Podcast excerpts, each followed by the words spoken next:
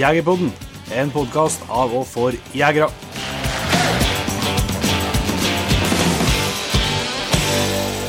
Hjertelig velkommen til en helt ny episode av Jegerpodden.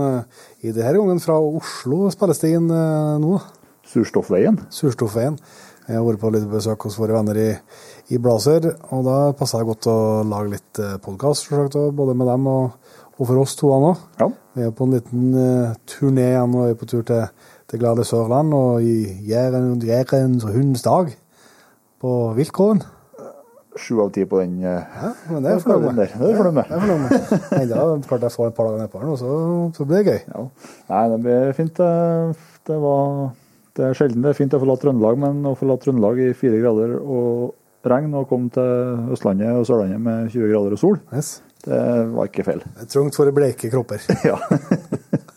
Ja, vi, dagens episode er en eh, prat vi har hatt med en kar som heter Leif Skiaker. ja. Som eh, kan være kjent for folk i flere fasetter. Han har drevet med, med vært mye rundt og solgt eh, mat. Elgkebab, elgbab og elgburger var han tidlig ute med. Bre, Breheimen mat. Yes. Og har nå drevet eh, ganske stort innom eh, elghunder, både gråhunder og jevntunder. Jeg har jo sjøl vært og henta to jevntunder sist på til Leif. Mm. Sånn at eh, det er jo en kar vi, vi vet av godt, da. Så eh, han har litt historier. også en ivrig reinsjeger. Yes, så her blir det både litt reinsjakt og elghunder og elgjakt og, og litt matprat og Ja, ja, ja. litt forskjellig. Så det er bare å, eh, bare å henge med. Men uh, tradisjon tro så bruker vi å fortelle litt om ting og tang som har foregått siden vi var på luften. Ja. Når vi er tilbake, og da heter jeg, jeg skrev opp bare ett stikkord også for min egen del, og det Vi kan, men vi kan snakke litt om det. ja, vi må snakke litt om det. Det er utstilling. Ja.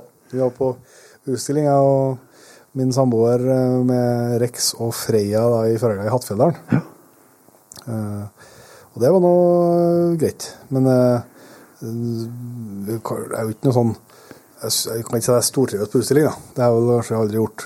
Men uh, jeg syns at det har vært Jeg vet at det er mange som har opplevd mye rart på utstilling, og, og det um, må det kanskje sånn må det kanskje være. For dommerne ser jo forskjellige ting og setter pris på forskjellige ting, kanskje. Og, og hundene er kanskje ikke helt like dag for dag, dem heller. Men eh, ja, Vi, kan, nå- vi, vi kan jo kanskje starte, starte det her altså, Dere var på utstilling med de to samme hundene på Elverum på jakt- og fiskedagene. Ja, eller eh, Rex skulle vi ikke stille på Elverum, for da var han skadd av villsvin. Ja. Men uh, Freya ble stilt der. Eh, og det Hun er jo ikke noe sånn Det ser jo jeg at hun er jo ikke Jeg syns det er mange jentehunder som er finere enn hun. Ja. Men uh, der ble hun men hun er jo ganske lita. Og det med Noel så ble målt der da til 55 cm i mankehøyde, og fikk en good der, da. Da var jeg jo ikke fullt år ennå. Ja. Og 55 følte jeg kanskje var i godlaget på henne, da. Ja. Eh, Ut ifra hva jeg målte sjøl og sånn, men eh, vi takka nå for det.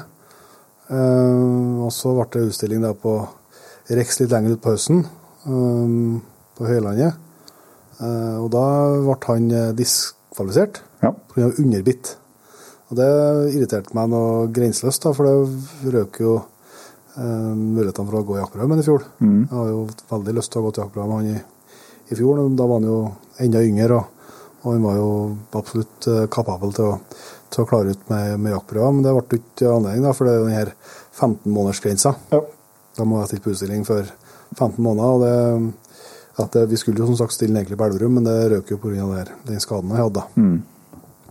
Så da ble det ikke jaktprøve på han. og du, ja, Det var ikke jeg som stilte, det var Milla som stilte, men det ble dratt litt med seg da, når du liksom blir diska, diska for underbitt. Mm. Da tenker du liksom Ikke altså Det, eh, det er jo ikke noe, noe arvbart, så vidt man vet. og Vi har jo i lag med oppdretteren gått gjennom linjer og alt sånt og finner ut at det er noe som ligger der. Så det var nok eh, Og, og vi mente jo heller ikke at det var noe spesielt eh, dramatisk underbitt der, da. Nei. Men da så, så er det jo sånn at vi fant vi måtte prøve en gang til, for at uh, det er jo artig, ja, både for oss og ikke minst for oppdretteren. da. Det er jo bra hvis det blir på prøve. Ja. Så vi skal prøve en gang til. Så jeg får ut til Hattfjelldalen nå i helga, og da um, fikk uh, Rex da eh, i kritikken står det 'bra bit', og han fikk 'very good'. ja. Eh, så det var noe bra, selvsagt, da. så Ja, Det, det, det er jo kjempebra, for da, da, har, da har dere på et vis det dere trenger for å, for å fortsette. Ja, Men det er jo underlig. Ja, det må jo være underlig. Um, og så vidt jeg kan Det er klart jeg har ikke tatt bilder og målt med, med millimetermål, men så vidt jeg kan skjønne, så er ikke bitene så annerledes nå ikke det var i fjor. da. Um, så det vil si at noen tar jo feil. Uh, enten tar han feil han som dømte nå, eller så tar han tok han feil han sist. Mm. Det er noe vanskelig å si, da. Um, og så var da. og Hun ble jo da diskvalifisert denne gangen, da. Ja. For at hun ble målt til 50 cm, og på Jevntun så er jo da 250 cm minstemålet, da. Mm. Så hun var for lite. Um, Det, det, det, det er da differansen 5 cm, da. ja, 5 cm, noen, noen har målt 5 cm feil. Ja. Eh, eller Eller at noen begge har målt feil. Ja, jeg, jeg tror jo at uh, når vi måler, så er vi på 2-53. Sånn at uh, sannheten ligger kanskje en plass midt imellom der, da. Men, men det, er det så Jeg skjønner jo på Det må jo på et vis være sånn at det er dommeren som, eh, som er der den dagen, som er, som er eh, den som bestemmer og, og, og, og vet alt, skal jeg si, den dagen. Så må jo være Men samtidig så Det er akkurat de opplevelsene der, og jeg vet at det er mange som har hatt uh, Kall det drøye opplevelser. og Har fått hunder diskvalifisert ei helg som neste helg går hen og vinner hele utstillinga. Ja. Jeg vet et eksempel på det også, det er ikke at dette, men det er akkurat den um, De opplevelsene her som, som altså Jeg skjønner jo for dem som er glad i kall det utstillingssporten, så er det jo øh, kan man sikkert på en måte leve, leve med, og det er på en en del av, en del av sporten. er det å, å en måte topp formen både på hund og seg sjøl, og, Ja. og så evnen til å vise fram og alt til, den du skal i ringen, og, og prøve å utvikle det videre. Og det har jeg både forståelse for og respekt for at eh, noen syns at det er kjekt. Eh, Men sånn for min del, som, som ser det her på en måte som et i hermetegn i hvert fall, nødvendig onde, eh, at du må stille på utstilling, så, så er det akkurat opplevelsene der når det, det blir sånne ytterpunkter som gjør det som at du får litt, mister litt sånn trua på det opplegget. Ja. Um, og at, at eh, om det er, om det er annen, annen variant. For det er jo mye bra med utstillinger. Eksempel så tenker jeg at det med eh, at det blir kommentert gemyttet. Eh, at du måtte får vist fram hund i en setting med mye andre hunder og mye folk, og sånn at en hund kan oppføre seg og er snill og grei. Det er viktig å ha eh, papir på, på et vis. Ja. Og, det, og selvsagt det her med at de kan bevege seg, og at kroppen er fornuftig oppbygd i forhold til det vi skal bruke dem til, nemlig jakt. Det er selvsagt det jeg ser verdier, det er ikke, jeg sier, men, men du blir bare sånn, du blir litt sånn matt, da. At når det, når det blir, på det, eh, blir på det viset der, da. Så, men samtidig så eh, Det er klart at eh, nå er vel ikke kanskje noen til hundene der De kan jo bli veldig dugelige jakthunder, men det er vel ikke noen av dem som blir noen utstillingsstjerner uansett. Det er jo klart, legger jo litt mer lokk på. Vi hadde jo Tinka tidligere som gjorde det veldig bra på utstilling. Ja. Og Da var det jo slags kjekkere å dra på utstillinga, så det henger jo litt ihop med, med om du lykkes eller ikke. da. Men eh, Nei, det er merkelig. Ja, det, det, det er merkelig, og det Det er Det er vanskelig å si, det, for man vet liksom ikke hva som er hva som kan gjøres, og hva som, hva som kan gjøre det bedre for, for avlen og for hundene sine. Eller? Nei. Det er klart, altså, For Freas del så kan vi jo kanskje prøve å få til en sånn kommisjonsmåling, da, som heter. Altså der du får et eh, brev. Eh, så har du lest litt om, om det, og det kan gå til, For da blir det, vet du hva jeg forstår, så blir det prata litt med Marius, og, og da forstår jeg da ble det gjort fem målinger. Eh, på forskjellig, liksom Du stiller opp hund flere ganger og sånn, og så får du et snitt ut ifra det. Og da, Det er jo nærmere en fasit, da, at det er- er vanskeligere å, å måle feil fem ganger, liksom. ja. Um, og er jeg under minstemålet, så er jeg under minstemålet. Så det er jo, det er ikke, det er jo greit nok. Jeg skal ikke kjempe om at, uh, om at det skal endres. Altså, det, er noe, det er noe greit nok. Uh, men uh, uh, det er uansett litt av grunnen til at jeg ville fortelle oss sånn er vi snakker både om opp- og nedtur i Egerpodden, men det er jo for andre som kanskje uh, Det viser i hvert fall viktigheten av det at om du får et dårlig resultat én gang, ja, ja så må du ikke la det bli med det. Hvis du, har, hvis du har lyst til å F.eks. hvis det er noe altså, Vi har jo de kravene for, for eh, utstillingspremiering for å kunne gå jaktprøver. Um, hvis du, ja, noen som her da, at det, det var et bitt som var feil, eller det kan jo være et slips, eller det kan være uh, et eller annet. At, uh, um, så, så ikke liksom tenk at hvis du har fått beskjed fra en dommer at uh, dette var ikke godt nok, så, så kan det være verdt å prøve en gang til, og, og kanskje enda en gang hvis du er, hvis du er usikker eller uenig i, i konklusjonen. Ja, det, det er bare å prøve, for, for at uh, det er jo lett å bli mest trua å bli nedbrutt når, når en hund blir diska, for det høres, det høres, ganske, det høres ganske alvorlig ut. da. Ja. Men, uh, men eh, det her, men, men Rex og Freya er jo bare et eksempel på at det er jo bare å prøve flere ganger. Ja. Så, men nå er det i hvert fall det som skal til, så det blir det i hvert fall jaktprøver på Ja, Freya kunne jo ha gått med jaktprøve i fjor, da, sånn for utstillingsdelen, da, men uh, hun følte jeg var, var moden nok for oppgaven. Uh, men, uh, men det var jo det var jo Rex i fjor, så og det er jo det som er litt Men det, så det er klart hvor hvordan verdig og hvor farlig det er, da, men, men klart sånn på papiret, hvis du har vært heldig og fått en, en førstepremie eller to på Rex i fjor, så har han jo da fått dem som uh, før fylte to år. Ja. Nå ble det jo etter fylte to år. Og Det er jo ikke fordi han ikke jakta første høsten sin, Nei. um, men, Men det, det, er ikke noen teknikalitet, da. det er ikke noen dok dokumentasjon på det. Nei, nei. Så, så nei, dere Og så kan jeg nå si at eh, så vi hadde jo på en måte en plan når vi skulle stille dem på utstilling, og så røyk den planen pga. skade. Så, så det ble det jo, men det kan jo skylde, vi kan jo skylde oss sjøl at vi kunne ha han kunne vi ha stilt på noen utstillinger tidligere. Ja. At vi har fått det. Vi har fått det hvis det har vært et bit, så, eller at vi må ha hatt en runde med to innstillinger. Mm. Så vi kunne fått det til likevel, selvsagt hvis det har vært tidligere på ballen. Så, så det er i hvert fall en oppfordring om å for dem som har tenkt og har lyst til å prøve, så bare dra på den utstillinga og bli ferdig med. Ja. Og så tar jeg derifra. Så, nei, jeg vet faen jeg hva jeg skal gjøre for at det skal kunne bli likere. For det er klart at det er jo, det er jo i meningen dommer skal gjøre seg opp på ganske kort tid ut ifra um, ut ifra um, det han, han eller hun ser der og da. Og det er klart at du klart at jo hadde jo dommerne eh, sett på kritikkene som vi for forrige dommer, um, så kan jo at resultatet være annerledes. Ja. Men det kan jo være både på godt og vondt. Ja. Eh, da kan han bli veldig farga av hva en annen dommer har Ja. sett, og blir veldig oppmerksom på det, som kanskje var Og så er det jo forskjell så syns jo um, Der ble det jo utstilling på asfalt. Det syns jeg i hvert fall jeg så på hundene våre. Så at når vi drev og trena med dem dagene før på grus, så syns jeg jo at de beveget seg finere enn de gjorde på asfalt. Da er de ikke vant til å, til å De har jo knapt nok sprunget på asfalt før. Mm. Men det kunne jeg sjekke opp sjøl, selvsagt. Og Ja, ja. trena, trena på det. Men det er jo en ting som er, er verdt å, å sjekke ut for utstillinga, hvordan underlaget skal være på. Mm. Og trene både kanskje like mye for sin egen del som skal stille, Ja. hvordan underlaget er der du, der du skal vise fram den. Men uh, sånn ble det nå. Så får vi nå bare kose oss med prøve til høsten. da. Får se om vi må på noen flere utstillinger. Nei, men det er viktige refleksjoner å ta med seg videre. Og, og eh, lærdom til dem som hører på, at det går an å Det er ikke noe vits i å gi opp, i hvert fall. Nei, nei altså det, det er i hvert fall eh, det klart å ha dem på et vis.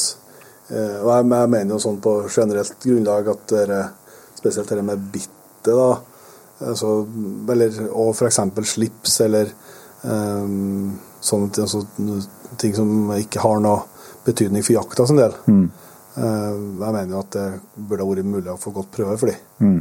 Eh, uavhengig av det, for så kan du heller gi avlsnekt, da. Eller avlsnekt kan du aldri med, så du kan ikke bli avlsgodkjent, da. Du kan du heller ta brems de hundene den veien. Ja, for det, er- det er viktig for oppdretter og, og kullverdi og det som følger med der. Ja.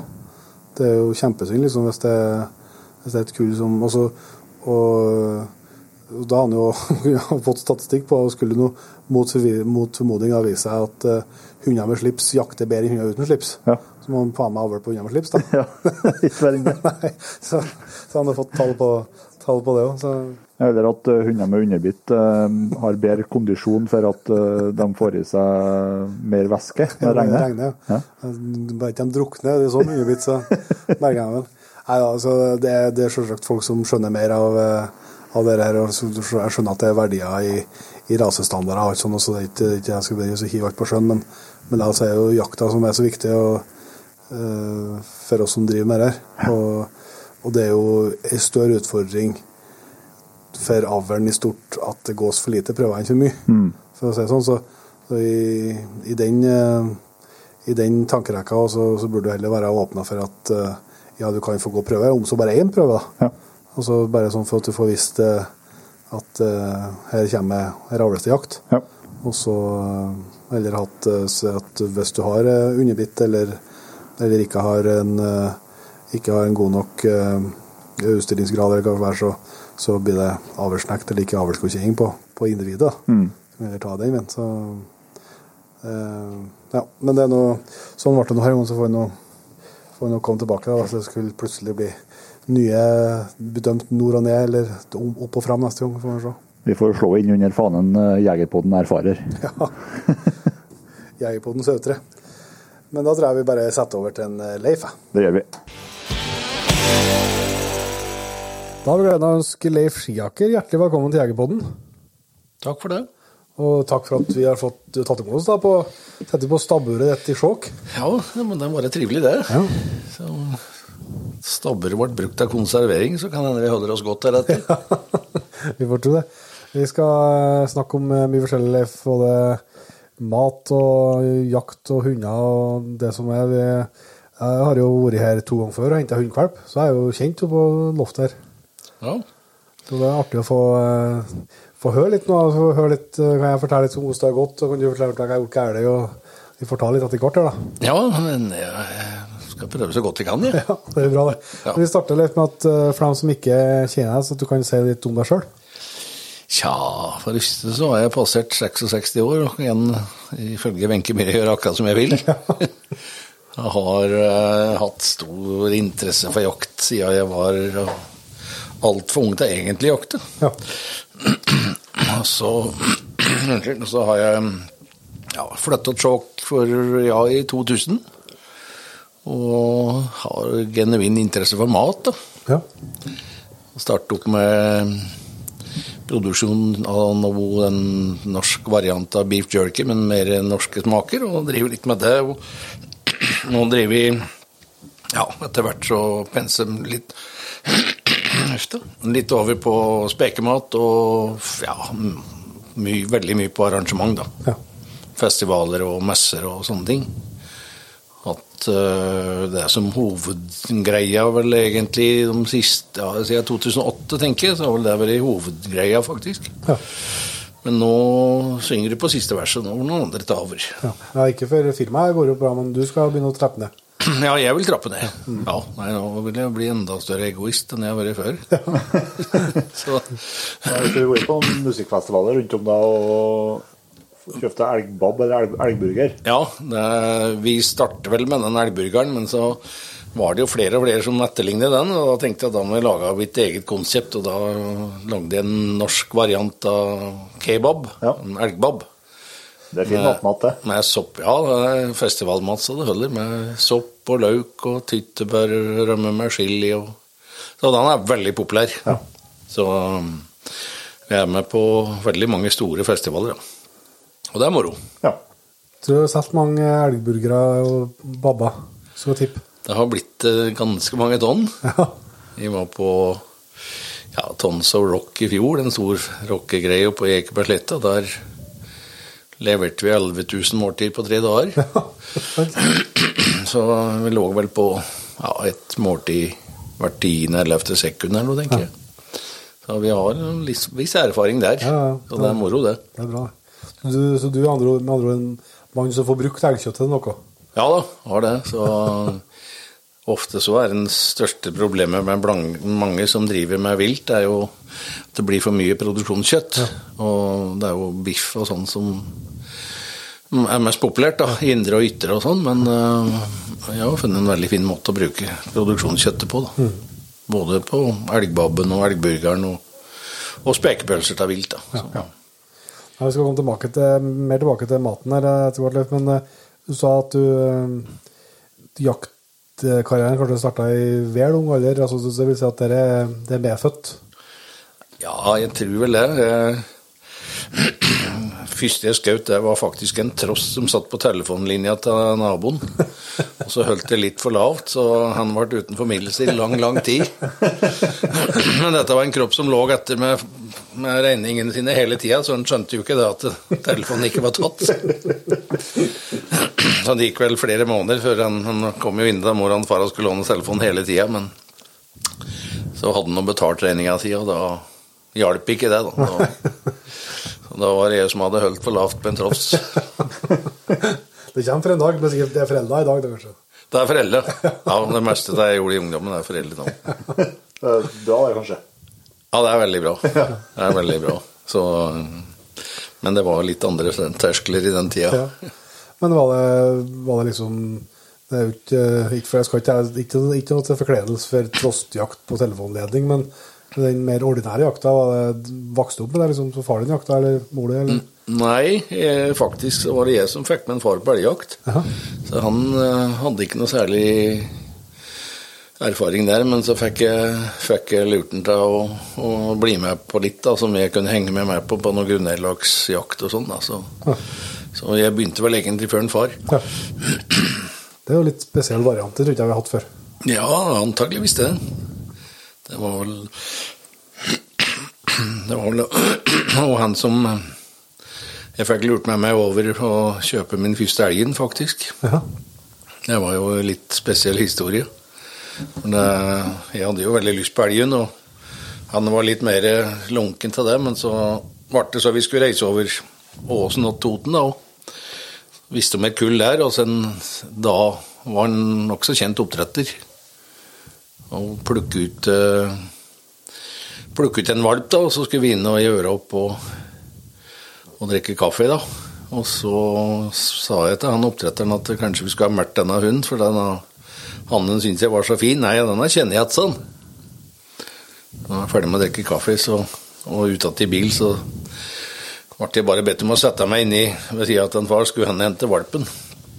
Og da kom han og satte den i fanget på meg, og vi kjørte over åsen og kom hjem igjen, så da var det ei tispe. og ikke den hannen jeg hadde sett meg ut. Og den tispa ble utrolig god på alt annet enn elg, men den var knallbra på grevling. Så skjøt vel langt over 20 grevlinger for henne. og én elg en tvilsom los. og, og jeg hadde jo bestemt meg for at jeg skulle velge ei så, såpass eh, spesielt navn som Bamse, men det ble det Bamsi. Av naturlige årsaker. Ja. Så det var min første elghund. Men hvorfor eh, hadde, Har du noen bilder av det? Hvorfor du hadde så lyst til at du skulle kjøpe den elghunden? Altså, hadde du sett noen hunder i aksjon som hadde trigga deg? Ja. Nei, jeg veit ikke. Jeg tror jeg ikke klarer å svare på en gang. Nei. Men eh, det satt nok noe i ryggmargen der. Ja. Så, så i starten så satt vi nå i hæl mye til elgen. Ja. Hadde ikke all verdens til gode bikkjer. Så da var det å postere mye att og sitte han i helg. Men eh, skjønte jeg vel etter hvert at det er nok hundejakt som er noe helt annet. Ja. Så Men eh, fra, fra den tida da, og fram til du nå er 66 år, da, så skal, skjønner jeg jo at en jaktkarriere som vi skal innom, som eh, inneholder mye. Men uh, jaktåret ditt eh, per i dag, da? Hva, hva inneholder det? Nei, det, det starter jo ikke med tross, da, men eh, det starter vel egentlig med reinsdyrjakt. Ja. Har gjort i ja, 45 år nå, tror jeg. Så jeg har jo buen i fjellet, da, som, jeg, som er paradiset mitt. ja. Så det begynner der, da, så går det over i, i noe hjort og elgjakt. Jakter ikke på langt nær så mye som jeg gjorde før. så Før så jakter jeg vel en 70-80 dager om høsten, men nå Og for rundt omkring i Sverige og langt opp i Pajala. Og, Pajala Pajal og Skjåk, det er jo en bra tur. det er en bra tur. Ja, I hvert fall når en skal kjøre enslig hjem igjen med 25 varmegrader og mye slakt i hengeren. Det var langt. Så, og mye jakt i Jämtland og Namsskogan og Lierne og sånn, men nå, nå er det kvalitet foran kvantitet. Og kvalitet går an å finne i sjokk der, skjønner jeg. Ja, her eh, er vi i eh, Ja, det er særdeles bra hundejakt som vi har her nå, da. Ja.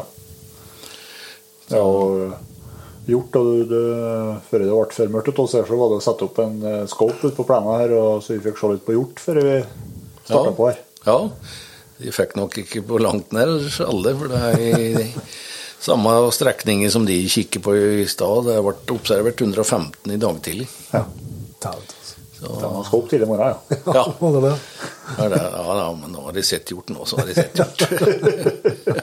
Får ikke se så mye mer. Men våpenskapet ditt, da, Leif, hva er det vi finner her? Ja, det tør jeg ikke å si. Nei da.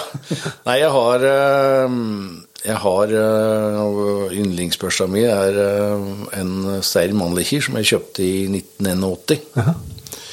Og det var en fryktelig dyr børse da. Ja. Og helstokk.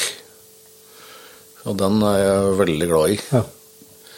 Og så er det ja, med svingmontasje og alt, så den tida jeg var mer aktiv på ettersøk og sånn, så var jo den svingmontasjen veldig fin og bare vippet av. Ja. Samme, samme siktebilde. Og så har jeg vel ei identisk Steyr-Mannlicher i, i halvstokk, da med demper og, Ja. og en litt grøvere kikkert. En sånn 3-12-56 size. Og det sitter vel size på alt jeg har, tror jeg. Men ehm, ja, og så er det noe, noe salongrifle, og gikk det litt mer over og, i elgburger og, og den arrangementsbiten. Det er jo ordentlig moro det når det går bra. Ja, ja. Men hvordan. Men eh, hvordan altså eh, Når du da er såpass ivrig jeger som du er, da, og, og holder på så mye med Altså, du, du flytter jo hobbyen inn altså, Hobbyen blir jo en del av jobben òg, med at du da kjøtt, med kjøtthåndtering og bearbeiding og full pakke at det Ja, egentlig så er det jo det, for det er jo Vi har jo vært ute på en del ting, og det er jo veldig mange som syns det er fascinerende at eh, jeg kjenner historia til maten. Liksom, Jeg bruker å dra den så langt at jeg prioriterer å oppdra de bikkjene jeg skal bruke for å skaffe råvarer sjøl. Så jeg tar den helt derifra. Så, men det er jo bare sånn ja, tullet bisetning, men, eh, men det er veldig givende egentlig at, å stå der og selge av maten som du kjenner historien til. Det er derfor det blir så lange køer. Ja, ja, men skøyene går fort. så jeg bruker jo tyttebærrømme, det er jo mange som går fem på når jeg sier at de skyter tyttebæra sjøl. Men folk hører ikke godt noe etter, så det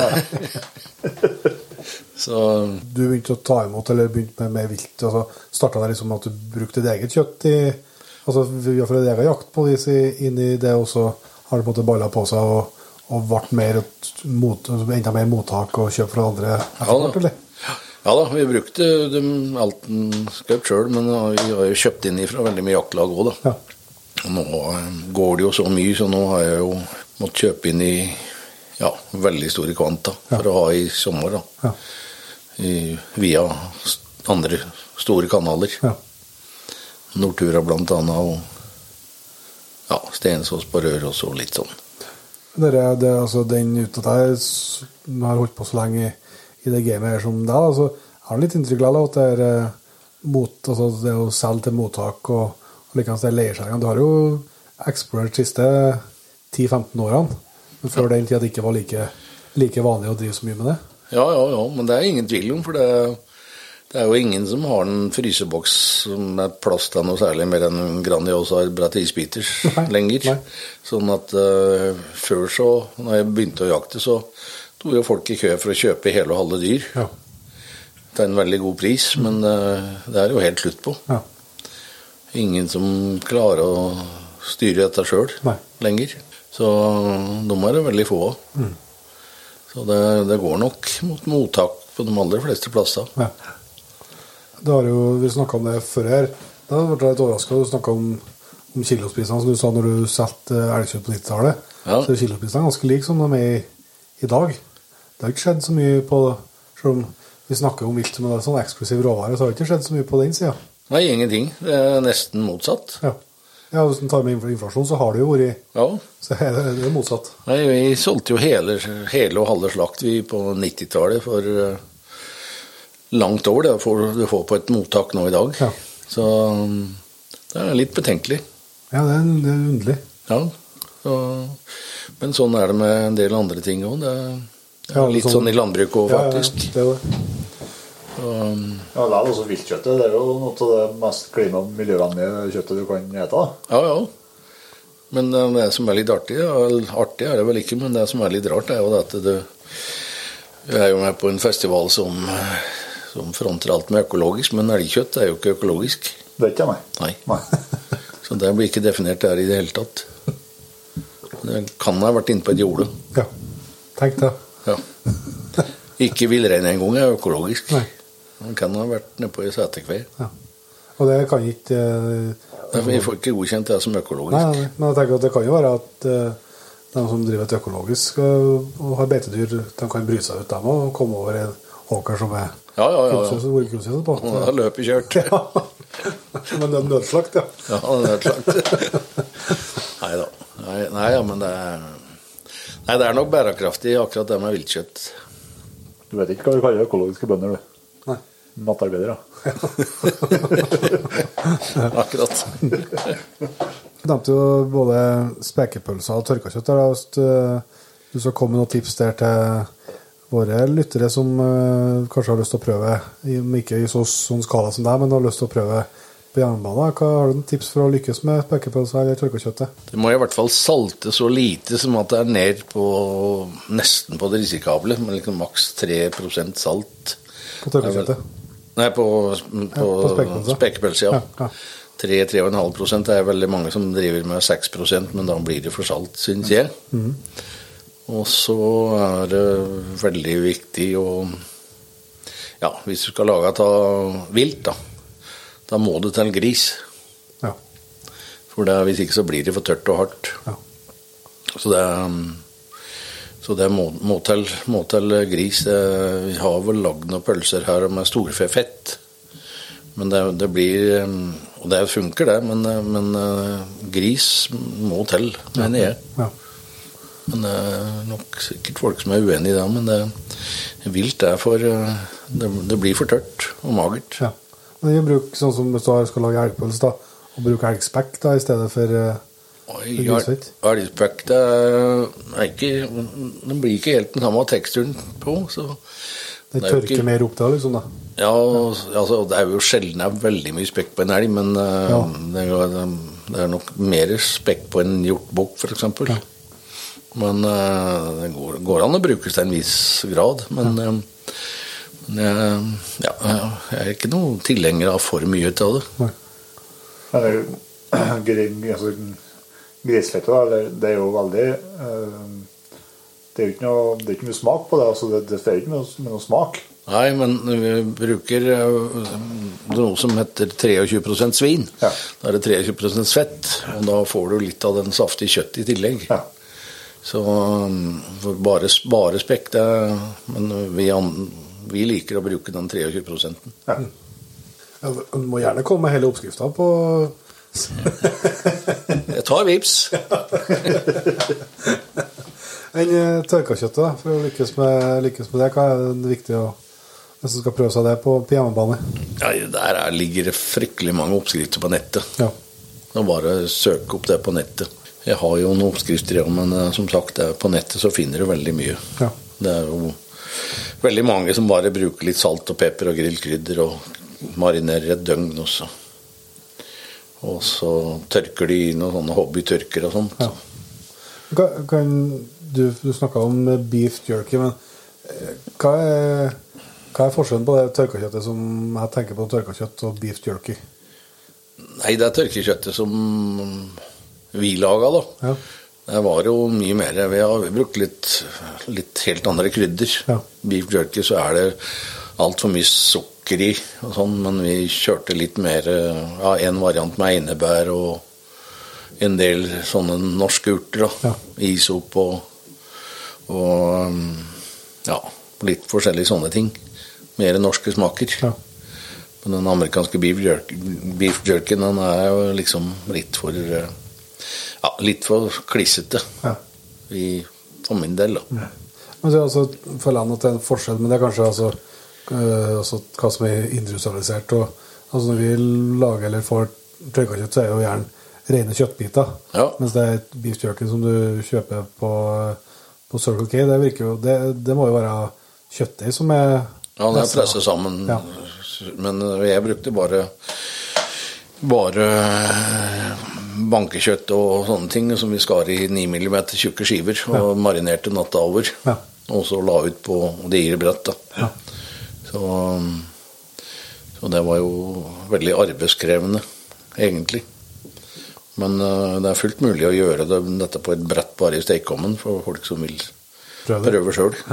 Sette den på varmluft til 75 grader, f.eks. natta over, så kan du lage det fint som sjøl.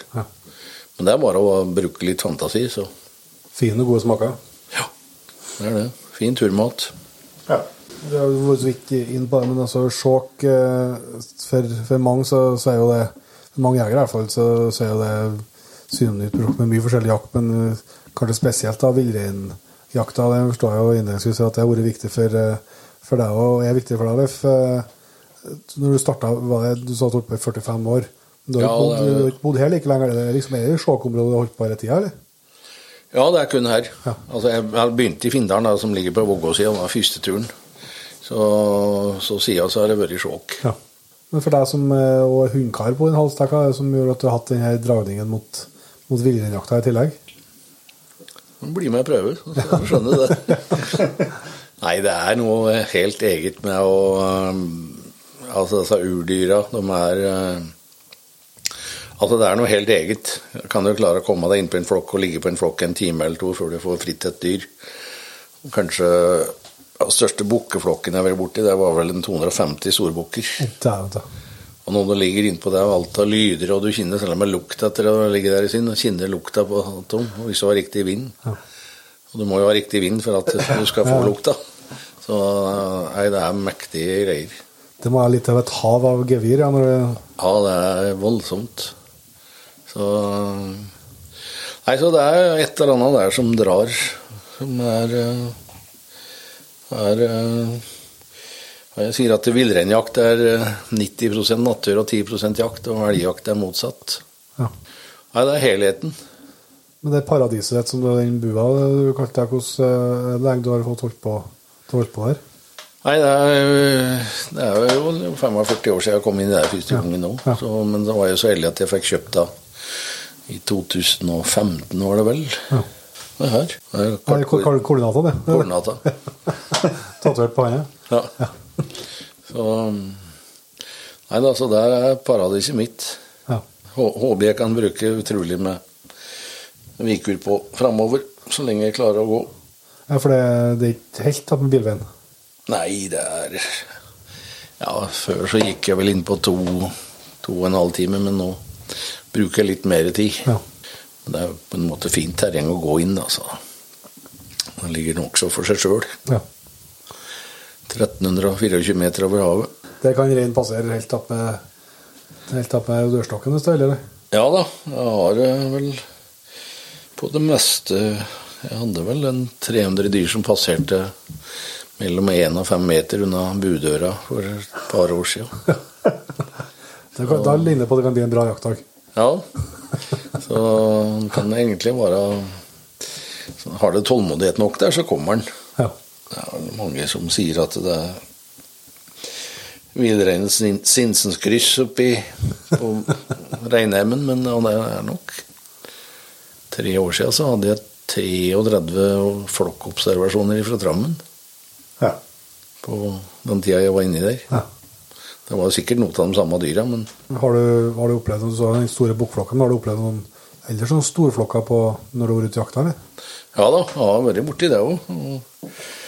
En gang så hadde jeg en flokk som kom som, Ja, det var flere flokker som samlet seg, og så til slutt så så begynte den på reken, som de sier, og da, da kom de Da kom de eh, Og da lå jeg på fryktelig kort hold, og da kom de eh, to og tre i bredden i Og det var vel 1200-1500 dyr. Så Det tok litt på tida, før den passerte. ja, og da kun nest siste dyret jeg fikk drag på, det var en uh, mellomstor bukk. Det tror jeg, jeg tror det var i 86 igjen, og det var Jeg var ikke da det var Tsjernobyl, tror jeg. Hadde så mye kort at det var helt varmt. Ja, For da skulle det skjøtes ned for å Nei, det var rett og slett bare det var ingen som ville kjøpe Nei, sånn, reinskort da, sånn at jeg fikk jo altfor mange kort sjøl. Ja. Så det ligger jo på grensa til Lesja på Lordalen, så jeg hadde kort der. Og, så da var det ingen som fikk lov til å ja, Det var vel mange som satt hjemme og som ikke ville ha becquerel-kjøtt. da. ja. Men jeg brydde meg ikke så mye om det. Du skjønte jo som du er sjølysende nå, eller? Du ser ikke sjølysende ut nå, eller? sånn Nei, nei, det er jo du som ser det, da. så, så Nei, vi, vi leverte faktisk inn kjøtt til prøving, vi som var skutt i året før Tsjernobyl, som hadde like mye becquerel som det som var Etter, ja. etter. Ja. Men det ble altfor mye væring det året. ja. Ja, for det, ja, du jakter jo så den bua der da 45 år. Det er noe tunge bører med kjøtt uh, i retur der. Ja, så er det ikke mye bruskatt i knærne mine heller. Nei. Så, så det Nei, det har blitt altfor mye. Største idioten er den som bærer for tungt. Ja. Det tok litt tid å lære seg det, men det har demra etter kort, eller? Ja, men altfor seint. Ja. Nei, altså, jaktlysta var ti ganger større enn vettet. Ja. Og det er en dårlig kombo. Så sånn er det bare. Ja. Hva, jeg kommer på da jeg var og henta hund sist, så snakka vi jo om, om jakt, selvsagt, da, og reinsjakt. Da eh, vet jeg at du kom med et tips som jeg har, eh, jeg har delt videre i Jegerpodden etterpå, uten at du har fått kreden for det. Men du skal få det nå. Men det var en, eh, det jeg syns var en en genial idé å ha med seg to sekker. Ja. Ja, ikke nødvendigvis to sekker, eller hvis du har en tøysekk Du kan, eh, kan eller ha to tøysekker, f.eks. eksempel Og så oppi her så kaller de det stubbelynne, eller tvibæra. At du, du fyller sekken, og så, og så går du et stykke framover. Og så finner du en fin plass å legge ifra og sette på, og så går du med tom sekk tilbake, og så henter bøl nummer to. da. Ja. Og så går du litt forbi førstebøla, og så legger de ifra det, og så går du tilbake og henter første bøla, for da hviler du det på turen inn. Ja. Og så var det løsne muskler og alt. Og så Får ut litt melkesyre i Ja, det òg, Ja. ikke minst. Og så da henter du bør nummer én og bærer litt forbi bør nummer to. Ja. Og det er den mest geniale måten å bære på. ja. Så som sagt, den, eh, den lateste jegeren er den som bærer noen tyng, altfor tunge sekker. Ja, altså det er jo som du snakka om når du har dårlig kne og rygg som følge av boret mye, mye tungt, så, så det er jo ikke, det er jo lengda som er problemet, det er jo tyngden. Ja, og så at den kanskje, ja, som sagt, ikke har kanskje den kondisen den bør ha når den begynner med dette der. Og så tar jaktlista overhånd, og så blir det plutselig liggende litt for mye dyr. Og du har litt for, tar, tar til takke med litt for mange kort, og så bærer du litt for andre, og så Så um, Nei, jeg har gjort mye dumt. Men jeg har gitt meg med det nå, tror jeg. Så Ja, for nå har du snakka om kløyvest på ja, nå er det gamle dagene, skal jeg si. Ja. Og så skyter jeg nå tidlig, da, så prøver jeg å ete opp mest mulig mens jeg er inni der. Ja. Og, Ja, for så, så de sier nå så er det, Da er det, er det en tre-fire uker. ja, er det. Så jeg var vel inne der 28 dager nå i høst, tror jeg. Ja. På ett kort. Ja. Så jeg er ikke den mest effektive jegeren. Men det er antakeligvis den som koser seg mest. Ja. Nei da, ja, fjellet er mektig. Ja. Hvis vi skal gå over litt mer på, på elgjakta Ja. eh, og elghundene Du sa du fikk høre om den første, første tispa, og taspen, eller hva det egentlig skulle vært. Det skulle, skulle være hannhund, men ble det tisp. Men eh, derifra, hvordan hund altså, Den lyktes ikke med på, på elg, men på grevling. Men eh, det har jo blitt noen bra elger etter hvert. Hva er neste, neste steget der, da? Nei, det gikk vel litt sånn gradvis. Det var vel en stund uten, og så Nei, og så ble det noe Det ble det noe forskjellig og med litt forskjellig kvalitet, da, men eh, Men det har alltid vært løshundjakt, eller?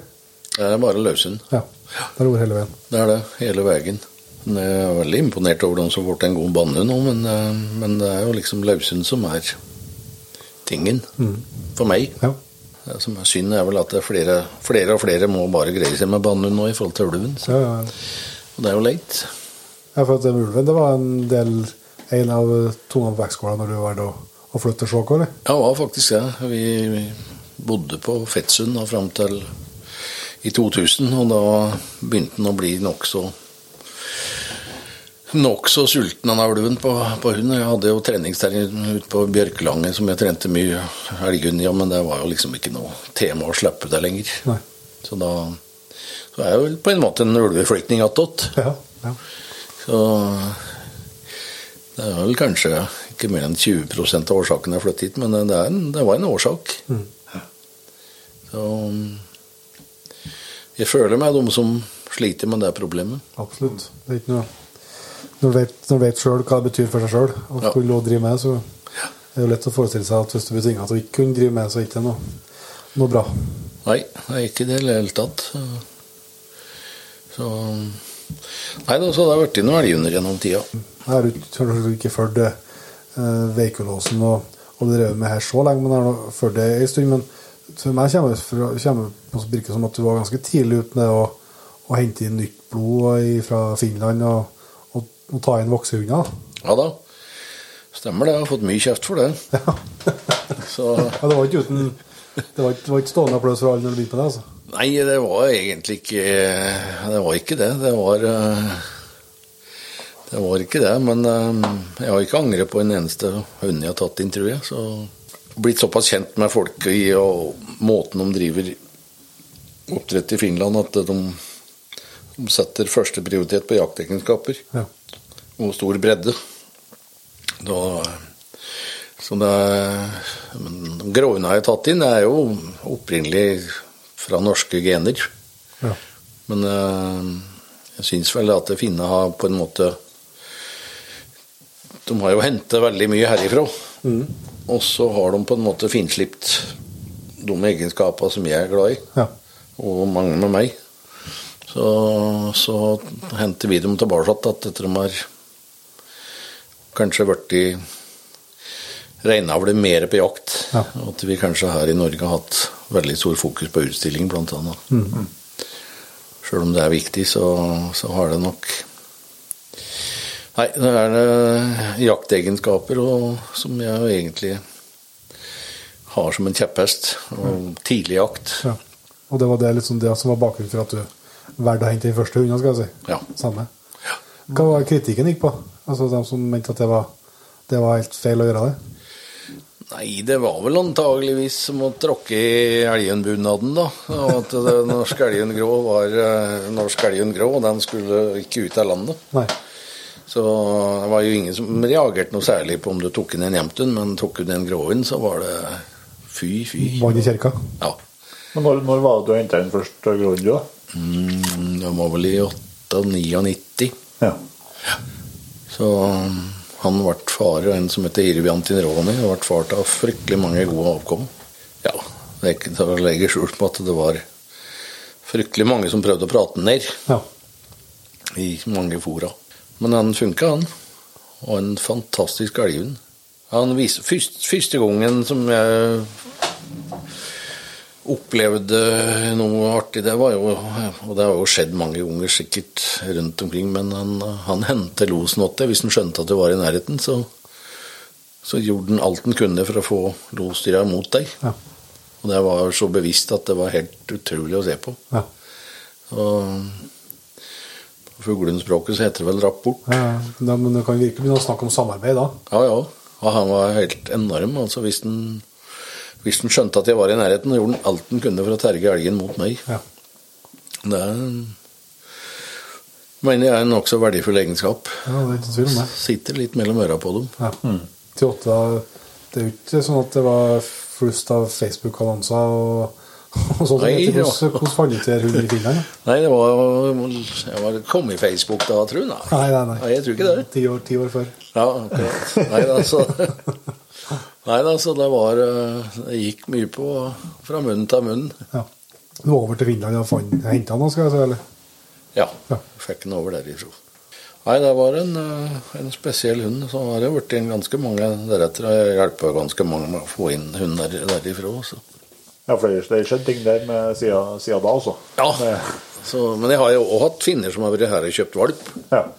Så, så Det går begge veiene, ja. Det går begge veier, ja. Men det er klart at det er vel ikke, ikke samme tradisjon, det er kanskje feil ord å bruke, men det er ikke samme sedvanen å selge voksne hunder fra Norge til Finland, kanskje? Altså, Nei, det veien, tror jeg vel knapt har vært gjort. Uten at jeg skal si noe om det, men jeg tror vel ikke det. Hva er det som gjør at det, at det, at det er mer vanlig fra finsk side? Så er det at de har mer hunder og mindre jakt, liksom? Eller? Det er vel heller Det er faktisk noen plasser at de har mindre jakt. For at de,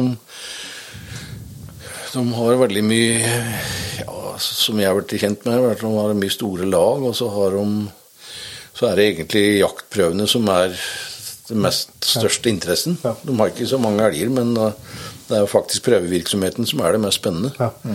Og det har jeg opplevd sjøl med valpkjøpere som har liksom ja, prøvd å oppfordre å komme seg på jaktprøve. Så, så ringer de om eftan etter første jaktprøve, så sier de bare fy søren, det var jo mer spennende enn praktisk jakt, faktisk. Og det er jo det. Det er jo flere momenter. Å skyte en elg, det er jo fort gjort. Da er den dagen ødelagt. så mens på jaktprøve så er det jo mange momenter som kan prøves. Så, så det er mange valpkjøpere som har fått en aha-opplevelse der. At dette var faktisk fryktelig spennende. Og sånn er det i Finland òg, for det er, det er eh, De går jo utrolig mye mer jaktprøver der enn Ja, det er jo enn hos snart, oss. snart ti ganger eller noe. Ja. Ja. Så, så da Ja, da er det vel det som er spenninga. Jeg, skjønner jo det godt hvis det er liksom 20 mann som skal sitte på post, og, og denne hunden skal jage en stakkars elg bort på en post, så blir jo ikke det det samme som å gå i jaktprøve. Tror det ligger litt der. Men det er også sånn at de hvis had, har kommet er lenger, eller på, som du ser det, altså um, mer jakt og, og kanskje hatt noe blod som vi, vi trengte. uh, det er fordi at de har vært altså, så- mer selektive på individene. De har avla mye på eller? Ja, ja, uten tvil. Det er jo veldig mange sånne som, som, uh som egentlig er veldig bevisste på hva de ikke skal avle på. Ja. Så,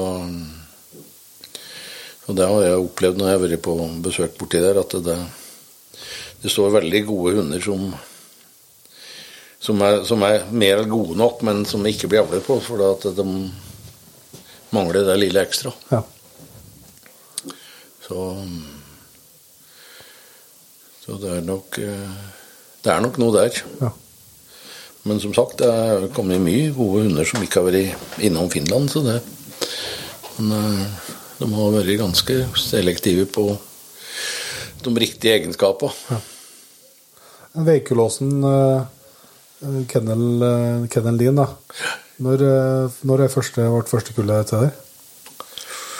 Ja, kan det være i 2002, tror jeg. Ja. Og lurer på det. 2000, nei, 2001 tror jeg kanskje det var, ja. Ja, det er noe rundt der. Det var gråhund, eller? I første kullet var vel egentlig Jamtun. Ja. Ja. Ja. Jeg syns det er greit å ha begge deler, for da kan en slenge litt skit uansett hvem en er i hop med. Så- Ja, for, for det, du holdt deg ganske hardt på det. Du, du har både grå og jevnt. Ja, ja, ja. ja, ja, ja, mange, mange noe- år. Ja, ja. Jeg syns, ja, det var en periode jeg kun hadde jevnt, men så tenkte jeg jeg er nødt til å ha en grå en, for da kan jeg liksom ta igjen litt der òg. Ja. God hund er en god hund uansett, i mine øyne. Kan vel jakte litt lenger når det er snø med jevnt, men eh, Så ja, de har hver sine kvaliteter. Så du har ikke, du har ikke fasiten du gjør da, på hva, som er best, da? Eh, Den beste hunden er den beste. Ja. Ferdig med det. Men hvorfor, men altså, når samtidig sier at du vil ha begge delene, er det for at du syns det er trivelig å ha eh, Ja. begge typene, liksom? Eller er det, så er det, Jeg føler syns de har hver sine kvaliteter, liksom. Ja. Ta oss gjerne gjennom hvordan du, hvordan du ser, hvordan kvaliteter du ser på de, de to forskjellige. Da. Nei, jeg syns vel at det, eh, det jeg har sett deg Jemt, så syns jeg at Jemten er flinkere til å jobbe i front på elgen. Han er mye mer årvåken der, og gråen kan stå litt bak og jage, og da har jo elgen fri, fritt leide til å gå dit den vil. Ja. Men så Ja, så er det noe med grå òg, da. Den òg syns jeg liksom Ja, nei, jeg, eh, det er vanskelig å sette ord på det, men eh, en god gråhund er ordentlig moro, det òg. Ja. Du, snakker, du snakker om at du sendte den ut et minefelt der òg. Ja, ja, ja. Men altså det er jo, Jeg har jo en genser her som det står 'gjemt i gråhund', samme faen, bare det funker. Vet du, så, så, Ja, ja. Stemmer det. Stemmer det. Så Nei, har antagelig ja, Jeg var litt uheldig en gang og fikk ei tjuvparing med gråhund og gjemt, og det er vel antakeligvis det beste kullet som har vært her. Gremt, ble det hetnes. Det dreit jo skikkelig på draget. Så det skulle kanskje ha vært flere sånne blandingskull. Ja. Det er vel eh, mange som har opplevd det i forskjellige fasetter, at spesielt første, førsteleddet blir Ja, på ja. blanding blir eh, både sånn helsemessig og ja. jaktmessig kan bli veldig bra. Og så er det jo noen kjøpere da, som ikke er interessert i å gå i jaktprøver, og da hadde det vært greit hvis det var noen sånne. Ja. For det, at, eh, det er jo for ergerlig at et skikkelig godt emne kommer at noen som ikke vil gå i jaktprøver. Ja. Det er jo det verste som kan skje. Mm. Og derfor så skulle det kanskje ha vært noe blandingskull som de kunne få kjøpt. Ja. Det var vel avsporing, kanskje, men Du har jo du henta en del hunder fra, fra Finland, og du har jo forsøkt å sette sammen mange, mange paringer. Hva er det eh, hva, Kan du sette ord litt på hva, hva du ser etter et avlsdyr? Nei, det er vel egentlig litt tidlig jakt. Ja. Jeg, var vel mer oppsatt av det for noen år siden jeg er nå. hvor det, nå syns jeg det på en måte har blitt litt overdrevent. Men tidlig jakt og stor kullbredde er jo aldri dumt. Nei, altså kullbredde altså det er mange, mange er pre premiert, ja. At det Ja. ikke bare er et stjerneskudd, liksom, nødvendigvis et, Ja. et kull. Men der har vi jo liksom et lite problem i Norge, da. For vi har jo ikke den samme tradisjonen på å, å gå jaktprøver som i Finland. Så Nei. de har jo mye lettere å vise til kullbredden. Så det kan jo være et knall kull her som har dårlig gullbredde, Ja. Men allikevel er Alt jager. Verdt å avle på. Ja. så, Så det, det er jevnt over høyere kullverdier i Finland enn det her. Ja, for det er jo mange flere hunder på prøve. Ja. Og en helt annen tradisjon for det. Så. Er noen av liksom, jaktegenskapene, da, altså jaktlyst, men, men altså, er noen av jaktegenskapene som du tenker er sånn, som du opplever som mer arvelig enn andre? Altså, som du snakka om han eh, som hadde veldig godt samarbeid og, og kom med elgen til deg. Altså, er det mer uh, arvelig enn uh, en losmål, Hva jeg si? Altså, hva er Losmål er vel egentlig det som er definert som mest arvelig, Ja. påstår de. Det er vel det som er lettest målbart. Ja, det er jo det. det er Ja. sant, ja. Så, men det er klart evne til å stille reinen i uttaket er er særdeles verdifull. Men jeg har aldri klart å skjønne dette helt. Jeg hadde en hannhund, en som het eh, fra Eivind Kirkeng, som var en veldig god oppdretter, som het Rai. Han, uttaket hans de var så stygge at det, det burde være 20-årsgrense for bare å få høre på dem. Men det sto i uttaket uansett. Og så hadde jeg en annen en også som var ifra Ja, det var faktisk ifra Eivind Kirkeng, den òg.